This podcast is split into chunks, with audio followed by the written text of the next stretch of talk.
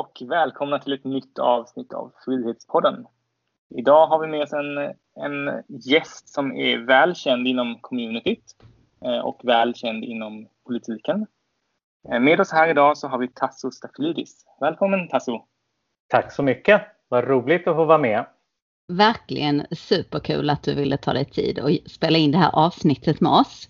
Eh, vi brukar börja med att ställa samma fråga till våra gäster och den är vad betyder frihet för dig?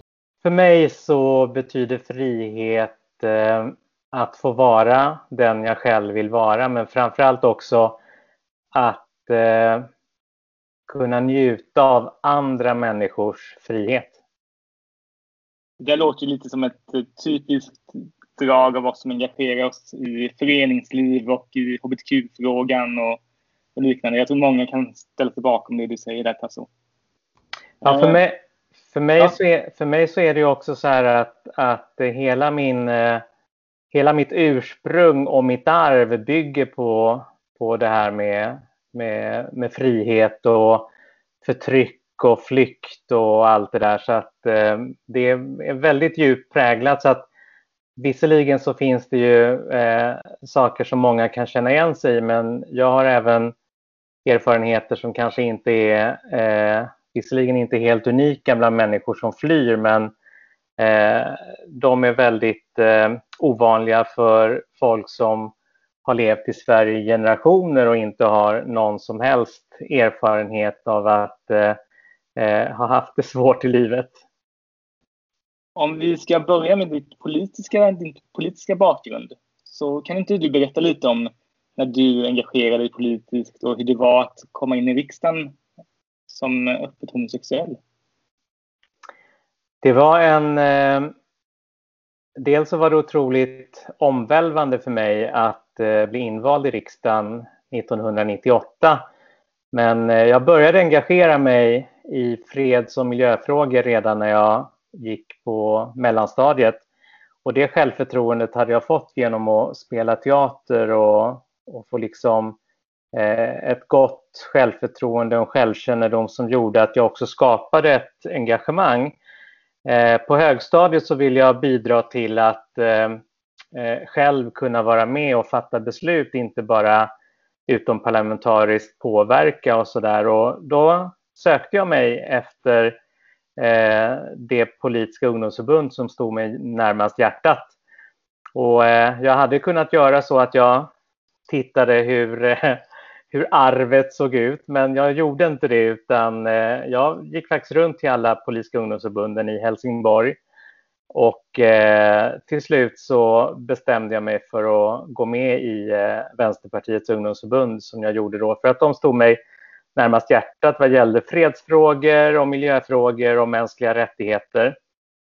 Eh, och det är ju detta engagemanget som till slut efter att jag hade varit aktiv kommunpolitiskt, eh, både som eh, ungdomsförbundare men sen även när jag så att säga, tog över ansvaret för partiet i Helsingborg, så eh, fick jag frågan om jag ville kandidera som toppkandidat till eh, riksdagen.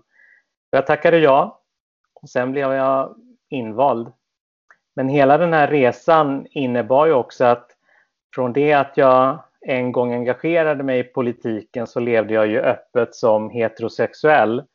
Eh, trots att jag innerst inne visste att det var något annat som mina drömmar sa och som, eh, ja, som hela min kropp sa men som jag inte hade lärt mig att lyssna på. Eh, men eh, när jag kom in i riksdagen då hade jag också kommit ut för min familj och sådär och bestämde mig för att eh, när jag kandiderar så vill jag vara öppen. Jag vill vara öppen med min sexuella läggning och jag vill också vara ärlig mot eh, väljarna. Sig att jag var den enda öppet homosexuella riksdagsledamoten som blev invald i riksdagen 98. Jag får liksom gåshud lite när jag lyssnar på dig och, och hör dig berätta det. För att det... Ja, vi måste komma ihåg att 98 då, då var ju tiderna ganska annorlunda mot vad vi ser mm. idag. Mm. Och det har ju hänt väldigt, väldigt mycket på den här fronten väldigt, på väldigt kort tid. Uh, jag själv var inte öppen 98, utan jag kom ut senare. Jag kom ut 2001 och då var jag 21 år. Så det fanns en, en tidsera där när man inte... Det var, det var tufft att komma ut och var, stå upp för vem man var. Eh, och det gör ju det extra, extra häftigt att du gjorde det i den processen i, inför ett riksdagsval. Det var ju väldigt många eh, öppna kandidater som ställde upp i det valet. Och eh, det var faktiskt från många olika partier och jag var så otroligt eh, men, spänd och förväntansfull över att det var så otroligt många eh, personer som var gay och bi och, och sådär som skulle bli invalda i riksdagen. Så att det var faktiskt en liten chock för mig när jag, bli, när jag blev uppringd och bara blev informerad att vet du om att du är den enda och vet du om att eh, du är den första eh, som har blivit invald i riksdagen som har kandiderat öppet. För de andra två som hade suttit i riksdagen innan mig, Kent Karlsson från Socialdemokraterna och Andreas Carlgren från Centern, de hade ju inte varit eh, öppna i offentligheten på det sättet. Men eh, eh, för mig så var det en liten chock och eh, den chocken såg jag ju till att eh, använda och eh, förvalta på ett väldigt positivt sätt. För jag tog initiativ till att starta riksdagens homogrupp som sen blev riksdagens hbtq-grupp där jag gick ut till ett antal riksdagsledamöter och frågade om de ville vara med och starta ett tvärpolitiskt nätverk. Eh, och eh, då, hade jag, då vände jag mig till alla de som på olika sätt hade ja, men varit positiva till partnerskapslagen och uttalat sig och sådär. Så det fanns eh, representanter från alla partier utom KD. Eh, och jag fick ett jättefint gehör och eh, vi startade eh, riksdagens homogrupp bara efter några veckor. Eh, och eh, ja, sen så resulterade det här att eh, det tvärpolitiska arbetet fick en oerhörd skjuts genom att eh, vi som var politiker från olika partier kunde enas i de här frågorna som, som då rörde eh, hbtq-spektrat. Och det gav en enorm styrka eh, både för oss som satt i regeringsförhandlingar men också i den allmänna debatten och eh, det påverkansarbete som inte minst eh, RFSL eh, gjorde. Där var det mycket lättare för dem att komma in och prata eh, gemensamt med alla tillsammans som drev eh, frågorna åt samma håll.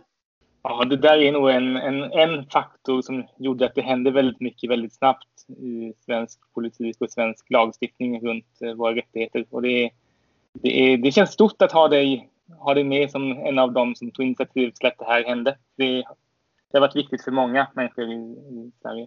Så. Ja, det gör det verkligen, verkligen. Du är sån enormt stor inspiration.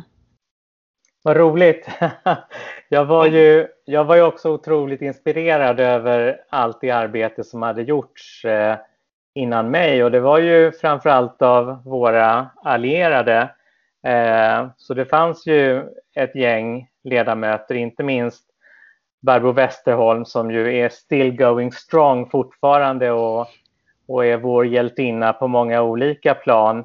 Men eh, det fanns ju faktiskt folk från eh, eh ledamöter från alla partier som, eh, eh, som hade gjort eh, mycket genom åren. Eh, och de blev nog också väldigt glada över att kunna göra det här tillsammans och få extra kraft och styrka av att vi var en större grupp som jobbade med frågorna tillsammans så att man slapp stå eh, ensam. För i många partier där man inte hade sina partier med sig så, eh, så kunde det bli väldigt ensamt för dem som, eh, som så att säga, stred för att deras partier skulle förändra sina åsikter i äktenskapsfrågan eller i adoptionsfrågan eller vad det nu handlar om. Mm det här har vi pratat om i en hel del olika, olika avsnitt, att just den här samverkan mellan eh, dels politiska partier men också samverkan med RFSL och liknande. Vi måste hitta de här vännerna runt om i politiken som, som drivs av samma slutmål och sen försöka verkligen få in frågorna på det sättet. Och det är tydligt att när man gör det så kan man komma till förändring. Det är precis, det som, det, är precis det som jag tror på för att jag har än idag så försöker jag ju, nu har jag ju inte varit partipolitiskt aktiv i många år. Jag hoppade av parti och politiken helt och hållet 2006. Men, men eh, det som jag fortfarande brinner för det är ju att kunna göra skillnad. Att kunna driva igenom frågor, att göra förändringar som, eh, eh som gör det bättre för människor och ger bättre förutsättningar i olika sammanhang. Och därför var jag så otroligt engagerad och brann för det här tvärpolitiska arbetet mer än att lyfta fram vilket parti jag kom ifrån på den tiden och, och där. Och det var ju såklart också något som inte alla tyckte var så bra. Nej, det kan vi tänka oss. Vi vill ju jättegärna prata om den här pjäsen som du åker runt och eh, eh uppträder på skolor med. Kan du berätta för oss om den? Ja, i, eh, när jag kom in i riksdagen så tog jag ju tjänstledigt från mitt jobb som skådespelare och teaterchef, konstnärlig ledare i en fri teatergrupp i Helsingborg. Och eh, jag måste ändå berätta att eh, förutom att jag tog initiativ till att starta riksdagens eh, HBT-grupp så redan efter två veckor så tog jag initiativ till att starta Riksdagsteatern där jag gick ut och eh, bjöd in alla riksdagsledamöter till att vara med och spela teater en gång i veckan. Eh, och det fick ett ännu större gehör än eh, homogruppen ska jag säga. eh, så att där var det ledamöter från alla partier som anmälde sig. Men det var faktiskt några avhopp efter att de hade fått reda på att, att jag var gay. Eh, men eh, så när jag slutade med politiken så gick jag tillbaka till mitt eh, Eh, till mitt konstnärliga kall, mitt eh, kreativa arbete som eh, scenkonstarbetare och skådespelare. Och då funderar jag väldigt mycket på att jag just ville göra skillnad. Jag visste vilket behov det fanns ute, inte minst bland ungdomar, att få både kunskap och inspiration men också möjlighet att kunna prata om eh, hbtq-frågor. Och mitt verktyg för det, det var ju teatern. Så mitt berättande eh, gjorde ju också att jag satte ihop en föreställning som byggde på berättelser som jag faktiskt eh, i vissa drag hade hämtat under mina olika resor som jag gjorde i riksdagen. Eh, jag åkte ju bland annat på en hemlig utredningsresa till Iran när det var som värst. Eh, när Sverige fortfarande utvisade eh, homosexuella till Iran med hänvisning till att det kan inte vara några problem eftersom män håller varandra i handen i Iran, så då kan vi skicka tillbaka dem. Alla de här berättelserna eh, värvade jag med sånger och eh, skapade en föreställning som heter Kärlekens pris.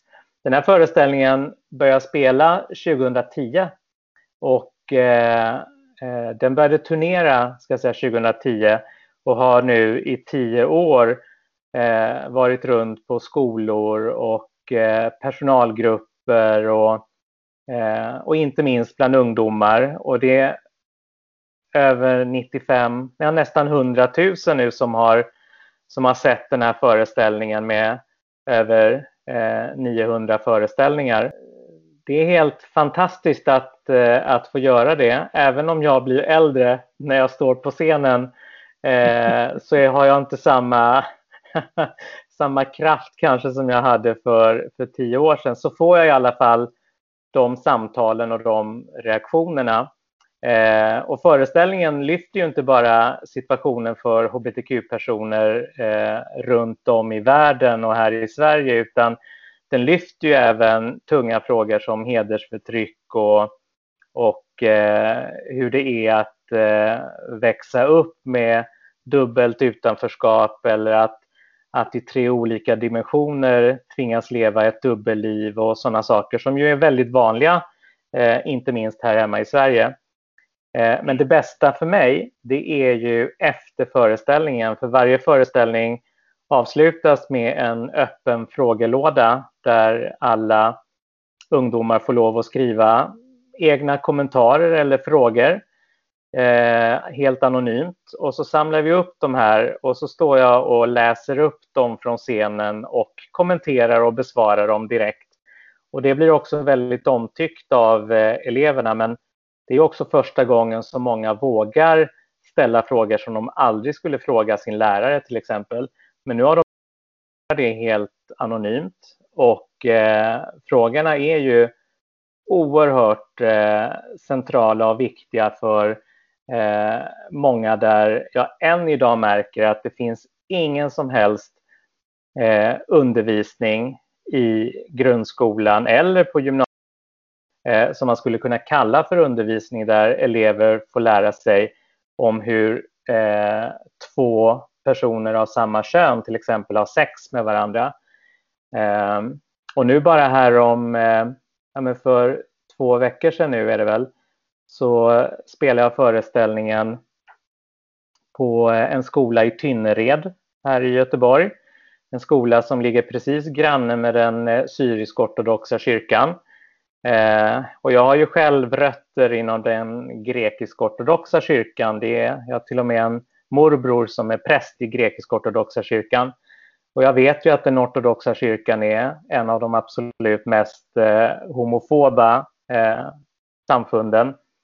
Och eh, det är otroligt intressant när jag möter reaktioner från lärarna som beskriver att de har svårt att lyfta vissa frågor och mm. där det är en befrielse när någon utifrån kommer och gör det. Det här är, jätte, det är jätte, jätteintressant och så jag, om man tittar man på samhället idag och, och, generellt sett så tycker jag att det blir mer och mer polariserat. Det finns olika sanningar i olika grupper. Man har svårt att nå ut med, med hur, hur olika människors verklighet faktiskt ser ut. Utan man tror att allting är som, som jag ser det och sen har man svårt att ta till sig att det kan vara på ett annat sätt. Eh, och eh, jag blir lite...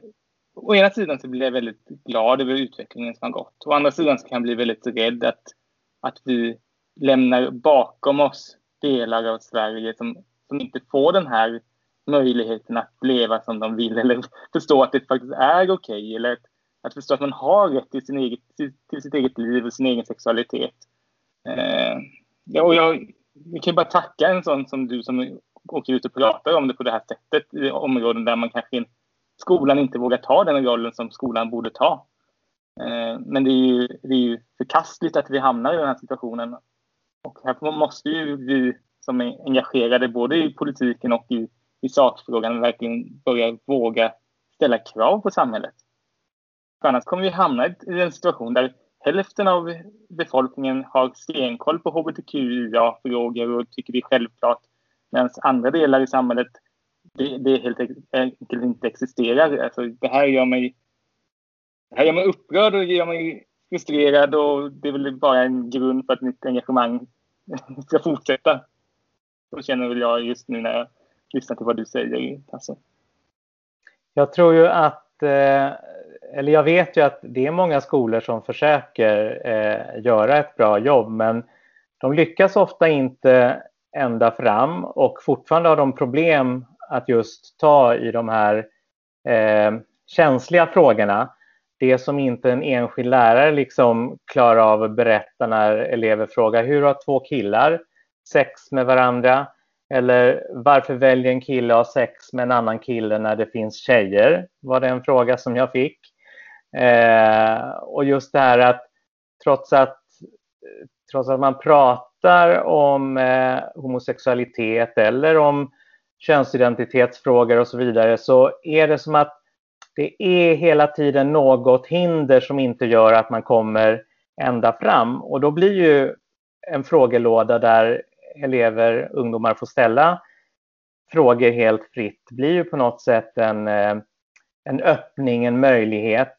Och eh, eh, jag vet ju också att det här med hur det är ute i vissa förorter och områden där där det är en eh, hög representation av personer som har eh, utländskt ursprung och där de har föräldrar som är födda i ett annat land och så vidare. Där är det egentligen inte så stor skillnad mot hur det var när jag växte upp för att ja, visserligen är det ju väldigt stora skillnader, men det jag vill säga är att, att kunskapen var faktiskt inte bättre förr. Eh, min pappa eh, hade ju bott i Sverige i 25 år när jag kom ut och i ett och ett halvt år så trodde han att jag hade drabbats av en pervers sjukdom och tjatade på min mamma utan min, min vetskap då att hon skulle hitta en bra läkare som kunde göra mig frisk igen. Eh, och då hade han bott i Sverige och var ändå rätt okej okay integrerad i över 25 år. Eh, min, eh, eh, min mamma hade ju, hade ju lite lättare att ta det här till sig men, men eh, idag så kommer ju människor från eh, från länder eller har kommit från länder där eh, homosexualitet är förbjudet, där det är belagt med dödsstraff och så vidare, då kan ju inte vi som samhälle eller som eh, invånare förvänta oss att, eh, att folk över en natt eller efter ett år ska bli eh, förstå att eh, jaha, homosexualitet är okej okay här. Allt det som har tagit flera generationer för oss att förändra attityder här i Sverige bland, bland så att säga icke inflyttade svenskar, det kan ju inte gå över en natt. Och det är därför sådana här eh, informationsinsatser är så otroligt viktiga. Eh, och jag tror tyvärr att det är väldigt mycket i samhället idag som blir...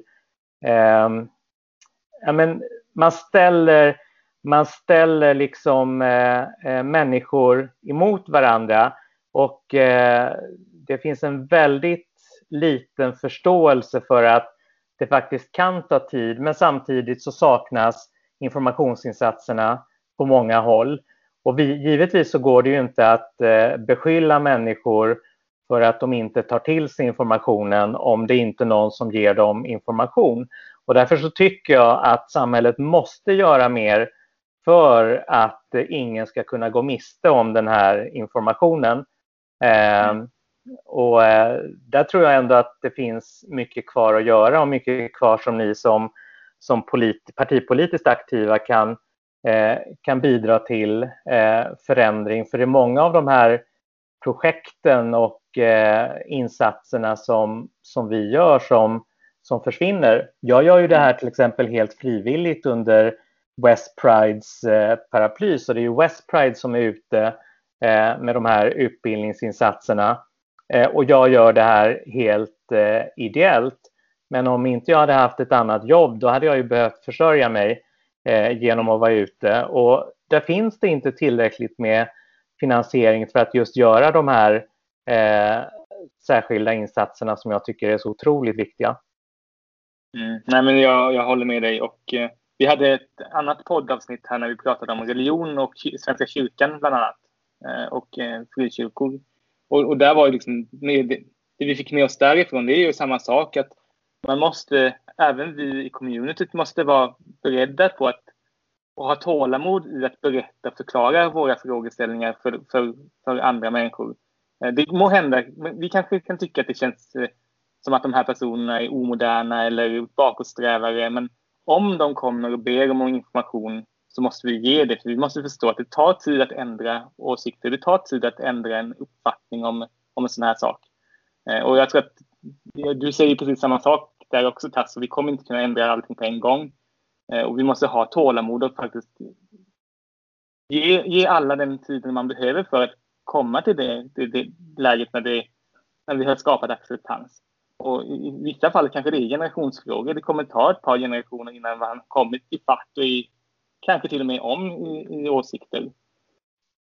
Eh, och där kommer skolan in. Alltså det är skolan som kommer forma nästa generations eh, medborgare och nästa generation som kommer sätta värderingarna framåt i, i framtiden. Så det är ju superviktigt att vi nu får till det här. Att skolan tar, tag och har, känner sig trygga med kunskapen. Just där ska jag säga att, att jag, jag tycker inte att det ska ta flera generationer. Det får absolut inte ta lika lång tid som det tog för min pappa. Utan jag är ju övertygad om att det går att göra insatser eh, mycket snabbare och att vi kan få resultat eh, mycket snabbare än hur det var för, eh, jag menar, för min pappa, exemplet som jag tog här. Eh, men problemet är att eh, eh det finns skolor som, eh, som jag till exempel aldrig har besökt här i Västra Götaland trots att de har blivit erbjudna eh, flera gånger. Och nu i november ska jag, ska jag åka till vissa skolor som jag kommer till för allra första gången. och där jag vet att det finns en menar att det finns ett behov. Eh, I somras så var jag ute och pratade för eh, eh ungdomar som genomförde sommarjobb här i Göteborg. Eh, där Göteborgs stad skapade ett projekt som heter Kamp Demokrati. Där ungdomar under tre veckor får lov att lära sig mer om demokrati och mänskliga rättigheter och sådär. Och då brukar de bjuda in mig så jag får komma dit och prata om hbtqi-frågor. Eh, och i en av grupperna så var det ungefär 35 ungdomar och då frågade jag dem rakt ut hur många av era föräldrar eh, skulle acceptera eh, om ni kom hem som eh, homosexuella eller att de överhuvudtaget skulle acceptera någon annan person som var homosexuell. Och det var alltså fyra personer som räckte upp handen. Så att i den gruppen så var det alltså eh, 31 ungdomar som hade föräldrar som inte accepterade homosexuella. Eh, och det tycker jag är, jag tycker att det visar på behovet av riktigt stora eh, informationsinsatser Eh, för det är ju bara genom kunskap som vi kan bli av med fördomar och som vi kan eh, förändra attityder. Eh, och ändå så görs det alldeles, alldeles för lite. De här ungdomarna som går i skolan och kanske får träffa mig eller FSL eller någon annan en gång om året och sådär, de får i alla fall någonting. Men hur är det med deras föräldrar? Hur når vi till de vuxna som, som sen blir eh, eh, förebilderna för, för sina barn. Eh, där behöver vi göra mycket större insatser och jag vill absolut inte att det ska få ta 25 år eller två generationer. Nej, nej. Men jag har en, en liten fråga, en liten tanke runt det här. Eh, jag menar när jag kom ut där då slutet på 90-talet, början på, ja, början på 2000 där, så vi säger ju många gånger att det fanns, det fanns tydliga förebilder. Man började se det på tv. Två män, den första kyssen mellan två män. Man, man hade kända människor som kom ut. Vi hade Eva Eva och vi har Jonas och Mark. Eh, och som man många gånger pratat om att det behövs de här förebilderna i, i samhället för att man ska börja se att det normaliserar någonting. Skulle det saknas förebilder för de här grupperna? Skulle, man, skulle vi behöva skulle det vara ett sätt också att påverka utvecklingen? Att hitta förebilder? Absolut. Självklart. Vi vet ju, jag menar, vi vet ju i våra egna communityn hur eh, det fortfarande är väldigt, eh, eller ja, det är i alla fall mycket homogent. Det är, det är väldigt vitt, det är väldigt eh, få människor som engagerar sig som har, eh, eh, som har liksom ett, ett annat ursprung än svenskt om de inte helt och hållet har kunnat eh, slita sig loss från en eventuellt eh, homofobisk eh, tradition eller kultur eller vad det nu kan vara.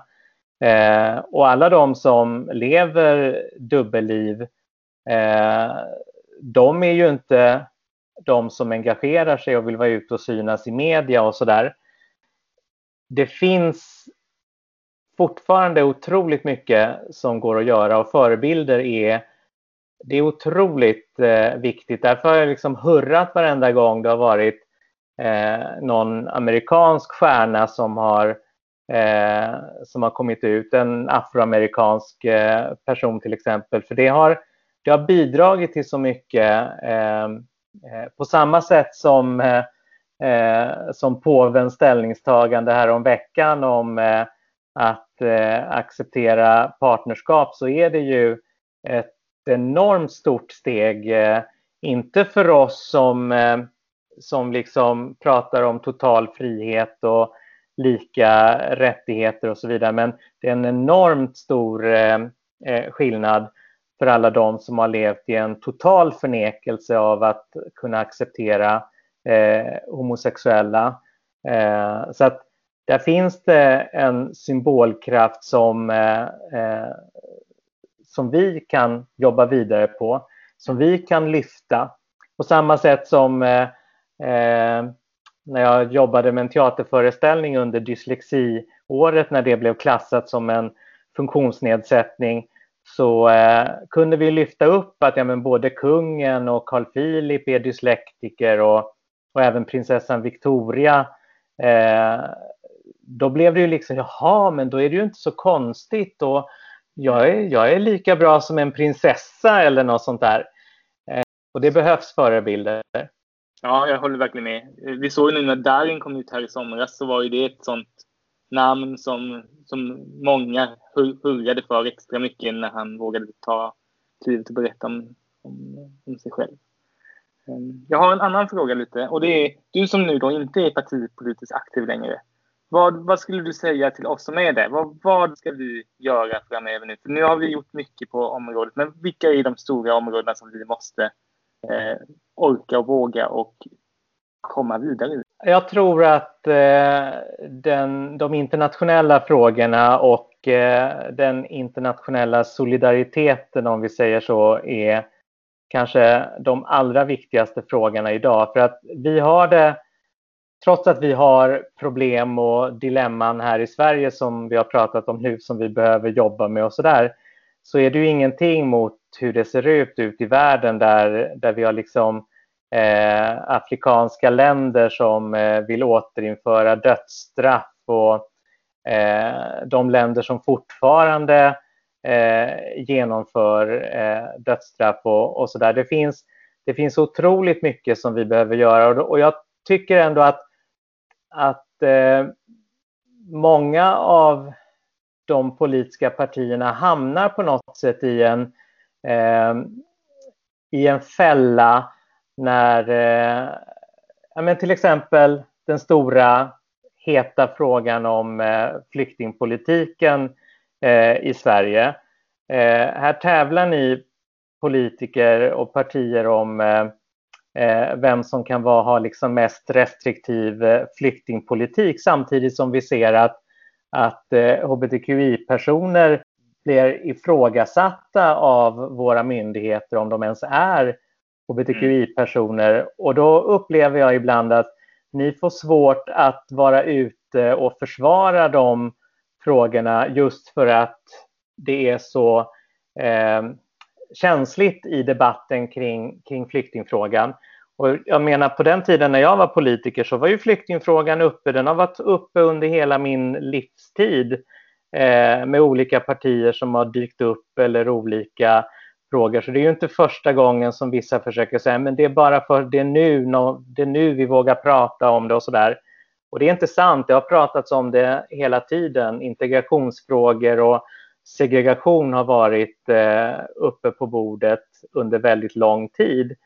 Men eh, det är det här att kunna skapa möjligheter där ni som jobbar partipolitiskt och har ett fokus på eh, hbtqi-frågor att ni faktiskt behöver vara tydligare i ert, era krav för allas, alla hbtqi-personers eh, rättigheter. Eh, och jag ser, jag saknar de nyanserna, för det är där vi behöver göra eh, mest skillnad. Eh, att kunna bidra till att eh, människor i, i andra länder som blir förtryckta, att de också kan få känna sig fria någon gång i framtiden. Ehm, vi brukar ju också avsluta med samma fråga i podden. Ehm, och då är den vem du skulle fråga chans på av motsatt kön. Oj, det är ju en massa. Jag hade en kompis som berättade om en dröm med Michelle Obama häromdagen. Men det är inte mitt förstahandsval. Hon är så otroligt lång. Eh, jag menar, jag har ju varit Jag har ju varit förlovad med en tjej och älskade henne högst över allt annat. Och det är svårt att ge ett, ett specifikt namn. Men eh, eh, jag är otroligt förtjust i, eh, i kvinnor som är eh, medvetna om eh, eh, att de har en maktposition, inte minst som kvinnor, men framförallt också i sitt sätt att, att leva och verka. Konstnärer, det finns, jag kan inte ge ett namn. Jag kommer inte kunna ge något namn. Jag märker det här. Ja, vi, vi hör det. Men... Alltså. Ja, men vi, vi, jag tror vi kan måla upp bilden framför oss vilken typ av kvinna som det skulle vara. Det, det tror jag du har lyckats förmedla på ett väldigt gott sätt. Då tackar vi så hemskt mycket för det här samtalet. Det var mycket intressant. Tack ska ja. ni ha. Vi får ju säga det att eh, du må inte vara en 85 men du är en väldigt eh, viktig person i den här kampen som vi driver vidare. Och det, det du har gjort är väldigt, väldigt uppskattat. Stort tack! Verkligen. Tack ska tack ni ha! Mycket. Hej och lycka till! Lycka ja, till med ert viktiga arbete! Ja, tack ska du ha! Hej! Hej, hej!